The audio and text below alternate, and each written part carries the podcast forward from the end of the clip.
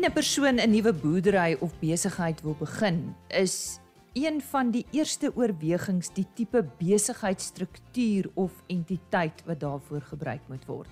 Ons kry ver oggend raad vanaf Maries Lombard. Sy is verbonde aan die skool vir rekeningkunde aan die Universiteit van die Vrystaat.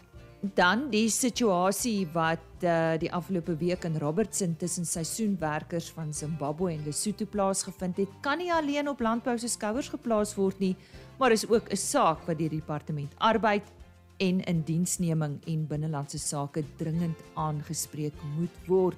So sê Agri Weskaap en ons gesels ver oggend met Jannie Strydom, hoofuitvoerende beampte. Daar's natuurlik ook nuus oor die weer en vleispryse wat hierdie week behaal is.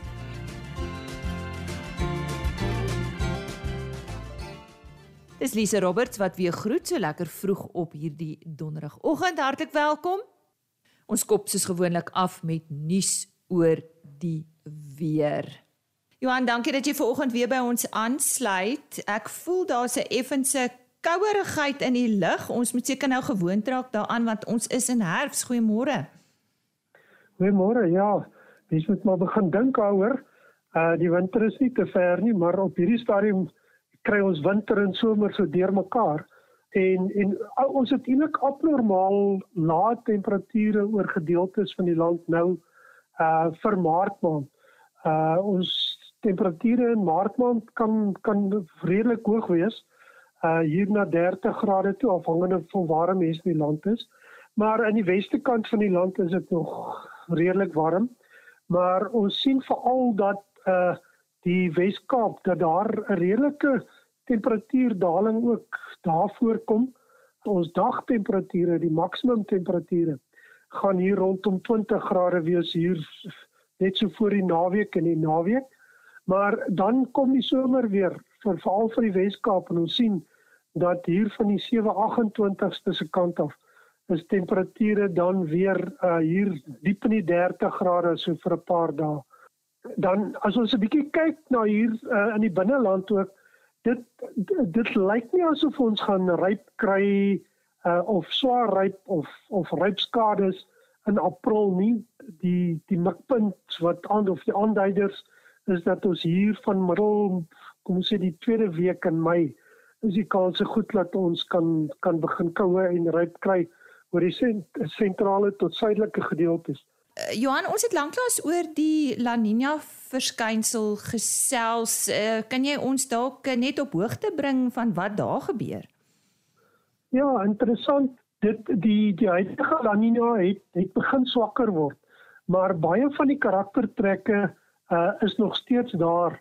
Uh, en dit lyk asof daar of daar's 'n moontlikheid dat die La Nina deur die winter kan aangaan en selfs na 2022-23 te gaan.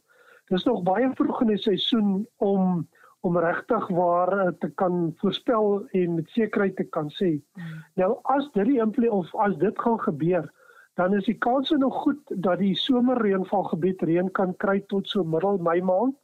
Die Wes-Kaap, die winterreënval gaan dalk 'n bietjie later begin. Uh en interessant is mense kan terugkyk in die geskiedenis uh, met La Nina jare, soortgelyke jare as vanjaar, het daar nogal redelik baie sneeu en reën uh, uh, in die Wes-Kaap voorgekom, veral hier van Junie tot Augustus, September se kant. So dit dit is van die implikasies uh wat die somerreënvalgebied betref, uh 'n redelik droë winter. Uh La Nina is gewoonlik droog hier van kom ons sê Junie tot omtrent Oktober en dan kry ons weer baie reën na die somer toe. Maar ons sal 'n bietjie later ons gaan ons probeer vir een keer in 2 weke of 3 weke sal ons dit opdateer soos wat dit vorder. Uh maar ons gaan eers hier by Julie Augustus se kant meer seker wees daaroor. Nou ja, sê baie dankie aan Johan van der Berg. En nou is dit tyd om te hoor wat het met ons vleispryse hierdie week gebeur en soos gewoonlik aan die woord is Chris Sterksen. Môre Chris. Goeiemôre alle medeboere. Lisa, baie dankie vir die uitsending geleentheid. Ek gee graag julle die verslag van die 23ste Maart. Die volgende is belangrik. Daar's baie onsekerheid in die mark. Eerstens as gevolg van die Oekraïne-oorlog wat die hele uitvoermeganisme van die wêreld deurmekaar krap. En dan tweedens is daar nou 3 uitbrake van back and closure oral oor Suid-Afrika wat potensieel 'n baie groot gevaar het en ons hoop ons kan dit gou onder beheer kry. Maar ek gee veel dus die presiese pryse wat ons ontvang het. Speenkalvers onder 200 kg het gegaan vir R42.07 per kilogram lewendig. Van 200 tot 250 kg R38 presies en oor 250 kg R35.52. A-klasse was R31.77, B-klasse R26.22 en vetkoeie R25.12 en markkoeie het gewissel van R19 na R22.50 per kilogram lewendig. Slagbulle was R26.33. En vanaf die skaapmark stoorlammetjies R42 slaglammers R38.25, stoorskape R33.77 en vetskape R31.88. Boklammers R57.55 en ooe R42 presies. Indien ons van enige verdere hulp kan wees, kan u enige tyd skakel na 08280 75961 of u kan gaan na www.vleisprys.co.za. Baie dankie. Chris Dax het verwys na back and closure bly ingeskakel aan die einde van vandag se program oor ons van die voorsitter van die Nasionale Dieregesondheidsforum Gerard Skutte. Wanneer 'n persoon 'n nuwe boerdery of besigheid wil begin, is een van die eerste oorwegings die tipe besigheidsstruktuur of entiteit wat daarvoor gebruik moet word. Elkeen het natuurlik sy eie voor- en nadele, asook implikasies wat eienaarskap en inkomstebelasting moet tref.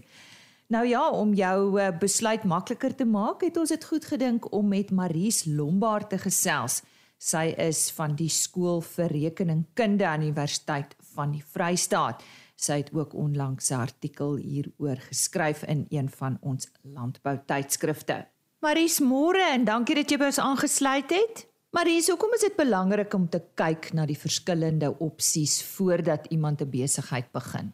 Môre Lise, um, dis belangrik om daarna te kyk in die sin van beplanning. So baie mense gaan hals oor kop in 'n ding in omdat hulle gehoor het een entiteit is dalk 'n goeie ding, maar byvoorbeeld as jy 'n maatskappy begin en daai aandele in jou naam gehou word, kan jy eendag opeindig met 'n geval waar 'n baie hoë waarde maatskappy ook in jou boedel ingesluit is of mense wat onbewus is van die administratiewe en belasting implikasies van sekere entiteite. So dis baie belangrik dat jy jou navorsing moet doen dat jy jouself nie in die toekoms in die voet skiet. So wat moet oorweeg word as jy 'n entiteit vir jou besigheid wil kies? Ek dink die belangrikste ding om eers na te kyk is wat jou planne vir jou besigheid is op die lang termyn. Ehm um, dis dis moeilik om voor die tyd al te weet, maar as jou byvoorbeeld jou planne is om toekomstige beleggers by te kry, moet dit oorweeg word in die tipe entiteit wat jy vat. Of byvoorbeeld as jy iemand is wat moeilik saam met ander mense werk, Ehm um, is jy iemand wat 100% beheer wil hou oor die besigheidsbesluite? Ehm um, en natuurlik ook dan na jou administratiewe en belasting implikasies. Ehm um, word die entiteit deur 'n spesifieke wetgewing gereguleer en wat is die implikasies daarvan? Kan jou maatskappy voldoen aan daai vereistes wat gestel word deur byvoorbeeld 'n spesifieke wetgewing? Familie speel ook seker hier 'n rol. Definitief. Ehm um, dit jy weet as jy 'n besigheidsvernoot kies, moet dit natuurlik iemand wees met wie jy goed oor die weg kom en jy kan goed konflik hanteer. 'n Baie verhoudings het al versuur as gevolg van weet besigheidsbesluite wat tot moeilikheid gelei het. So dis baie belangrik om te oorweeg wie jy insluit in jou besigheid. Watter opsies is beskikbaar? So, vinnig net ander op die drie mees algemene opsies wat mense gebruik. Um, ek dink die ander eintlik almal is maar baie spesialis entiteite waar dit belangrik is om 'n kundige te gaan sien dat jy bewus is van al die voordele en nadele van help. Maar ek dink um, die eerste opsie waarna ons kan kyk is om as alleenhandelaar handel te dryf. So dan natuurlik dryf jy handel in jou eie naam, die besigheid is 100% joune. En die voordeel hiervan is natuurlik dat jy beheer het oor al die besigheidsbesluite en dit kan vinnig geïmplementeer word. Die nadeel van dit is dan natuurlik net dat ehm um, skuldeisers jou persoonlik aanspreeklik kan hou vir enige skulde, um, omdat die besigheid in jou naam is En natuurlik ook um, moet jy gaan kyk na die belastingimplikasies. So al jou besigheidsinkomste gaan getel word by jou ander persoonlike inkomste. So as jy nog 'n salaris verdien, dividende, rente, word alles bymekaar getel en belas teen die individuele belastingkoerse wat van 18 tot 45% gaan. So die oomblik as jou besigheid meer as 1.7 miljoen maak, gaan 45% van jou inkomste na SARS toe. En dit het nie altyd 'n lekker smaak in die mond nie. So dit is uh, die eerste tipe entiteit. Dan natuurlik kan jy 'n vennootskap oorweeg. Nou 'n vennootskap soos jy ook al genoem het, dis belangrik om te kyk soms met wie jy in 'n vennootskap gaan en of jy goeie besluite saam kan neem en of jy goed konflik kan hanteer, want daar kan in die toekoms moontlike geval wees waar een van die vennote uh, hulle aandeel wil verkoop of waar 'n nuwe vennoot wil inkoop. 'n Voordeel van 'n vennootskap is dat jy gedeelde kapitaal het, jy het gedeelde kennis en natuurlik ook die werksas wat jy deel. Maar die nadeel hiervan is, ehm, um, jy weet as een vennoot wil loop of as daar 'n nuwe een wil bykom, gaan die vennootskap elke keer tegnies moet ontbind wat baie administratiewe implikasies kan hê. Nog 'n voordeel van vennootskap um, is dat ook dit nie formeel geregistreer hoef te word iewers nie. So daar's nie regtig wetgewing wat dit reguleer nie, wat dit ook makliker maak vir mense om daarin um, handel te dryf. As ons nou kyk na die administratiewe en belasting implikasies, um, 'n vennootskap word nie as 'n aparte persoon erken vir inkomstebelasting nie en ook vir baie wetgewing nie. So jou jou vennoot se wins, jou vennootskap se wins word getel weer eens by jou ander persoonlike inkomste wat dan weer natuurlik van 18 tot 45% belas word. So hoe meer jy verdien, hoe meer belasting gaan jy betaal en dit is maar ongelukkig uh, hoe dit werk in Suid-Afrika. Skuldeisers kan ook natuurlik jou aanspreeklik hou vir die skuld van die vennootskap omdat dit nie as 'n aparte regspersoon beskou word nie. Ehm um, die die mees populêre keuse is maar 'n privaat maatskappy in Suid-Afrika. Um, en ek dink die hoofrede hoekom mense 'n privaat maatskappy kies is omdat jy bietjie beskerming geniet.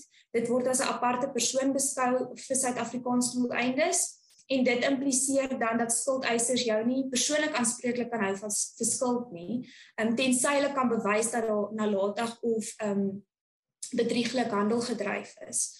So dit is die een ding met betrekking tot privaat maatskappye. Dan 'n ander ding wat lekker is, ehm um, jy weet aandeelhouers kan aandele koop en verkoop sonder dat daar enige entiteit ontbind moet word. So dis maklik om nuwe mense te betrek by jou besigheid. En mens moet ook net in gedagte hou dat 'n maatskappy gereguleer word deur die maatskappywet. So baie mense is nie altyd bewus van die administratiewe implikasies daarvan nie.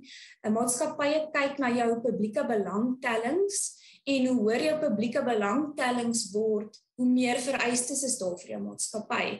Byvoorbeeld maatskappye met 'n publieke belangstelling van meer as 500 moet etiese en sosiale komitees aanstel ensovoorts. En dit het natuurlik weer 'n impak op jou finansies van die besigheid. Kan jy dit bekostig om 'n etiese en sosiale komitee aan te stel? Ehm um, jy gaan natuurlik ook baie ehm um, akkurate finansiële state moet hê wat jaarliks ingedien moet word. So daar's baie administratiewe en finansiële implikasies met betrekking tot maatskappye.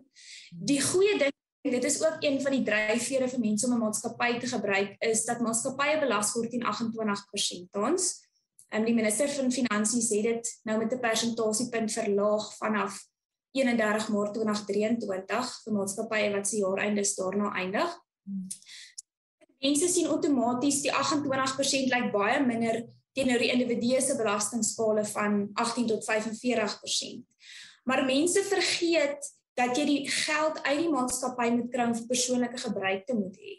So indien jy geld uit 'n maatskappy wil kry, gaan jy dit of in die vorm van 'n salaris moet betaal wat weer eens in bande belas gaan word, of jy gaan dit as 'n dividend moet uitkeer wat weer eens dividendbelasting tot gevolg gaan hê.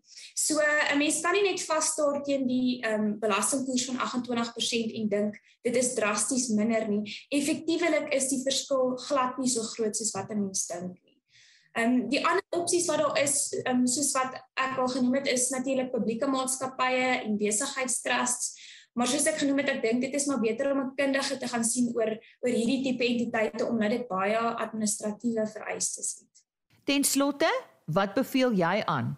Lisa, ek dink nie daar is 'n one size fits all antwoord nie. Ek dink dit hang af van wat jou doel is met jou besigheid en wat jou behoeftes is. En jou antwoord op die kort termyn gaan dalk nie dieselfde wees as wat die beste vir jou gaan wees op die lang termyn nie. Maar ongelukkig moet jy gaan kyk wat is vir jou moontlik op die kort termyn en of jy aan al die vereistes van 'n tipe entiteit kan voldoen. So jy gaan nooit regtig ek dink 'n keuse kry waarmee jy 100% gemaklik is nie. Maar vir elke keuse gaan jy maar na die voor en nadele moet kyk en dit opweeg om te kyk wat vir jou die beste antwoord gaan gee. Ehm um, so ek dink die belangrikste wat mense net hier uit kan kry is dat dit belangrik is om jou huiswerk vir die tyd te doen. Dit help nie dit 10 jaar later en jy sit met implikasies wat jy weet wat vir jouself groot finansiële implikasies het omdat jou beplanning van die begin af nie reg was nie. En kry maar 'n kundige se advies klink dit vir my. Ja, ek dink dit is maar die uitgangspunt vir enige entiteit. Gaan sien iemand wat weet hierdie goed werk en wat jou kan help om 'n struktuur op te stel wat jou gaan beskerm op die ou eind. En so sê Maries Lombard, sy's 'n senior lektor by die skool vir rekeningkunde by die fakulteit ekonomiese en bestuurswetenskappe by die Universiteit van die Vrystaat. En sy het vanoggend met ons gesels oor die verskeie opsies of entiteite wat beskikbaar is wanneer jy 'n nuwe boerdery of besigheid wil begin. Die situasie vir die afgelope week in Robertson tussen seisoenwerkers van Zimbabwe en Lesotho plaasgevind het, kan nie alleen op landbou se skouers geplaas word nie. So sê Agri Weskaap en ek gesels nou met die hoofuitvoerende beampte Jannie Strydom. Om mee te begin Jannie, wat is die impak van hierdie en soortgelyke kwessies op landbou in die Wes-Kaap? Ja, goeiedag Lise en en en al die luisteraars. Ja, jy weet ek dink die landbou het verskeie uitdagings op hierdie stadium. Ehm um, maar ek dink die die impak van hierdie is uh, en ek wil dit so omskryf, jy weet ons ons sit in arbeidsintensiewe uh, gedeeltes van ons provinsie uh in intensiewe boerdery vertakkings waar ons met bederfbare produk werk. So uh as as 'n vrug ryp uh, gereed is om gepluk te word, dan moet hy gepluk word. Jy weet, so ons kan nie hom uitstel na môre, oormôre of 'n week later nie en dan is daar 'n um, 'n koue ketting wat gehandhaaf moet word. Jy weet, ons ons provinsie voer meer as 50% van primêre landbouprodukte uh, uh van die land uit, né. So ek bedoel dit is dis 'n enorme bedryf uh, uh, uh in ons in ons provinsie. So uh arbeid en en beskikbare arbeid en en kundige arbeid want jy moet ook nie dink jy weet om om om om om regtig regte kan pluk te kan snoei al daai goed ehm um, vereis 'n sekere uh is 'n uh, uh, uh, kennis en en ondervinding jy weet. So Ehm um, as ons nie die produk kan afhaal nie, sit ons met probleme. Jy weet en dit is nou nie net vrugte nie, dit is nou groente ensovoorts. So dis alles bederfbare produk. So ehm um, en en ons weet mos nou, die insetkoste wat uh, teen enorme koerse gestyg het en dit is daarom vir die produsent mos nou krities om hierdie produk af te haal om hy inkomste te kry om daai uh 10 teenoor 1 skuld wat hy aangegaan het om insette aan te koop in die begin van die seisoen om dit te delg, jy weet. So uh ons moet net uit daai hoek uit net dit sien en en dan wil ek nou sommer onomwonde stel ons keer geen onwettige uh, praktyke goed nie, né? Uh, so ek wil met daai inleiding wil ek hom net afsluit en sê, jy weet daar ja, ons ondersteun en ons moedig ons lede aan om absoluut binne die wet op te tree en dit en dit sluit alle landswette in. Mm -hmm. Julle noem in hierdie verklaring dat die probleem nie alleen op landbou se skouers geplaas kan word nie. Uh, word daar dan van landbou verwag om die probleem op te los? Waarom hierdie opmerking? Ja, Lisa, jy weet dit dit spruit voort uit uit uit, uit verklaringe, mediaverklaringe wat departement arbeid en indiensneming ook uitgestuur het en TV-onderhoude en goed waarna na verwys word dat uh uh landbouers uh onwettige uh, buitelanders in diens neem ensovoorts. Jy weet so en en ek wil nie sê dit gebeur nie. Ek dit is nie my my punt vanoggend nie. Dit vir my gaan dit oor jy weet daar's 'n sekere verantwoordelikheidsin en en die wet is baie duidelik. Die immigrasiewet uh van 2002 wet 13 is baie duidelik in artikel 38 omskryf hulle dit baie mooi dat dat jy jy is verantwoordelik uh om geen onwettige lands uh persoon in diens te neem as werkgewer nie. So ons verstaan daai en en um dit voel net vir my uh op hierdie stadium is ons land se grense redelik oop. want my vraag is hoekom 'n individu uh oor ons land se grense tot in 'n plek soos Robertson en hy het verbly of sy het verblyf daar nê. Ehm um, so en as daai persoon onwettig is, is my vraag, jy weet, wie moet na hierdie goed omsien? Uh uh hierdie aksies omsien bedoel ek. En en en wie moet dit uh polisieer en moniteer, jy weet? En ons kan tog nie net verwag dat dat die werkgewer en ek sluit nou nie net landbou nie, enige werkgewer so 'n persoon jy weet wettig ons kan hulle in elk geval nie wettig as hulle reeds in die land is nie weet so jy weet dit voel net vir my dit word maklik geskuif na die na die werkgewer en sy verantwoordelikheid want ja ons erken dit staan in artikel 38 en ons verstaan artikel 49.3 ook wat sê jy weet wat die gevolge is as jy iemand onwettig in uh, wat onwettig is in diens neem. So Maar ons wil tog net vra, daar's daar's daar's binnelandse sake, daar's departement arbeid en indiensneming. Kan ons nie net hande vat en ons pleit dit nou al vir 'n geruime tyd. Laat ons net sê, hoe kan ons hierdie groter probleem oplos? Want ons sit met ons het gehoor uh die president by by by by sy toesprake, jy weet wat sê, jy weet ons moet ons moet fokus op ons uh op ons eie indiensneming, ons uh, eie Suid-Afrikaners en jy weet, maar uh, tog erken hulle daar's baie van die buiteland wat ook inkom. So maar daar word nêrens gesê weet maar hoe hanteer ons hierdie situasie? Jy weet, hoe kry ons hulle almal wettig? Ehm um, en hoe gee ons dan vir almal gelyke kans vir indiensneming, jy weet. So ehm um, dit dis net wat ons daarby bedoel is dat kom ons skuif nie die verantwoordelikheid net na die werkgewer en sê maar ons ons gaan probeer sover ons kan alhoewel volgens my nie baie suksesvol op hierdie stadium om om die invloed van mense te te moniteer en te keer nie uh, of te sorg dat dit wettige mense is nie. Uh julle moet hulle net nie in diens neem. Jy weet en, en dan wat sit en wat gebeur in hierdie gemeenskappe waar hierdie klomp kom ons aanvaar dan nou onwettige mense dan nou is wat na verwys word. Jy weet dit skep 'n ander sosio-maatskaplike uh, uh, omstandighede in daai gemeenskappe ook. So wat ons probeer sê in ons verklaring is die probleem is groter as net die indiensneming van 'n onwettige persoon. Ons sit met van met, met buitelanders in ons land wat dalk 10 teen 1 onwettig is, maar my vraag is hoekom hulle een en hoe kan ons as alle rolspelers, jy weet, hierdie situasie hanteer en en beredder? Janie baie dankie om jou af te sluit. Uh voorstelle van julle kant af hoe dit aangespreek moet word en en watse raad het jy op hierdie stadium vir julle lede? Ehm um, Lisa, jy weet dit is baie duidelik en ons sê dit van dag 1 af. Uh asseblief uh uh tree op binne die wet. Ehm um, die wet is baie duidelik. Ons kommunikeer dit aan ons lede ons weet die uitdagings en op praktyk uh, ek en jy kan nou maklik hieroor gesels jy weet maar as as jy 'n behoefte aan 5 600 uh, 600 mense op 'n dag op 'n op 'n vrugteplaas of wat ook al het. En en en jy moet daai mense kry en daai produk moet af. En ek het nou in die inleiding gesê weet hoe belangrik dit is. Dan dan is dit ander uitdagings. En ek insinieer geensins daarbey dat dat ons aan die wet kan oortree nie. So ons bly dooi en ons lede is bly asseblief binne die wet. En en en my versoek is dan ook aan aan die ander twee departemente help ons met die verifisering van hierdie mense. Jy weet daar kom mense met dokumente wat wat die ons is in 'n vergadering wat die polisie nie eers onderskei kan tref tussen 'n vervalste en 'n wettige dokument nie. Jy weet nou verwag ons van die werkgewer om daai insig te toon ensovoorts. Jy weet so help ons net maak dit net vir ons prakties mo meer moontlik om hierdie verifikasie van hierdie mense te doen, te sorg dat hulle dokumentasie uh, op standaard en wettig is, jy weet en en kos vat net hande in om hierdie probleem aan te spreek. Kom ons gee dit nie net vir 'n departement of 'n werkgewer om dit alleen op te los nie. Dit die probleem is groter as dit. Dit was aan die hoofuitvoerende beampte van Agri Weskaap, Jannie Strydom. Ons hoor nou wat die voorsitter van die Nasionale Dieregesondheidsforum, Gerard Skutte, te sê het oor die huidige stand van back and closure in Suid-Afrika. Nou ons het met groot kommer kennis geneem van die back and closure uitbreking in die Potchefstroom omgewing van die Noordwes provinsie. Soos aangekondig deur die Nasionale Departement van Landbou aan die internasionale dieregesondheids uh, organisasie en ook uh soos gemeld in hulle persverklaring. Nou dit wil voorkom of hierdie uitbreking by die Potchefstroom omgewing gelokaliseer is en dien dit reg hanteer word, kan dit hopelik baie vinnig opgelos word.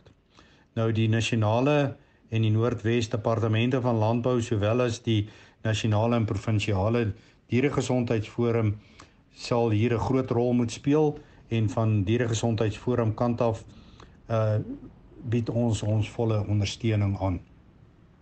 Nou hierdie uitbreking is ver buite die normale endemiese gebied ehm um, waar back and closure voorkom en dit kan dus 'n groot impak hê op internasionale handel van lewende hawe en lewende hawe produkte. Maar soos ons sê, as dit spoedeisend hanteer word, kan ons hopelik dit redelik vinnig oplos. Nou die nasionale dieregesondheidsforum ondersteun die landbou produkte agenteraad se nuwe biosekuriteitsmaatreëls met betrekking tot veilinge en dit is ver, uh, noodsaaklik dat dit verder geïmplementeer sal word. Dit wil weer voorkom asof hierdie uitbreking die gevolg is van moontlike onwettige verskywing van beeste uit geaffekteerde gebiede na die ek wil amper sê die skoon gebied en die lede van die nasionale dieregesondheidsforum wil dit op rekord plaas dat ons hierdie ak sulke aksies as industriële sabotasie sien en daar sal uiters drasties opgetree word teen individue en instansies wat hulle hieraan skuldig maak. Ons sal ook in die verband met die departement van landbou nasionaal en provinsiaal saamwerk. Die nasionale dieregesondheidsforum doen 'n beroep op die bedryf om self te reguleer. Ehm um, en die be beweging van vee tot die minimum te beperk in hierdie tye. Dit is ook noodsaaklik dat enige nuwe diere wat op die plaas ingeneem word in kwarantyne sal gaan ten einde te verseker dat daar nie 'n probleem is nie. Dis ook noodsaaklik dat elkeen wat in hierdie bedryf werk homself sal vereenselwig met die kliniese simptome van back and closure en enige verdagte gevalle aan te meld aan die plaaslike staatsveearts. Die nasionale dieregesondheidsforum is steeds ook baie bekommerd oor die vorige uitbrekings van back and closure in Limpopo en KwaZulu-Natal wat nog nie ten volle onder beheer is nie.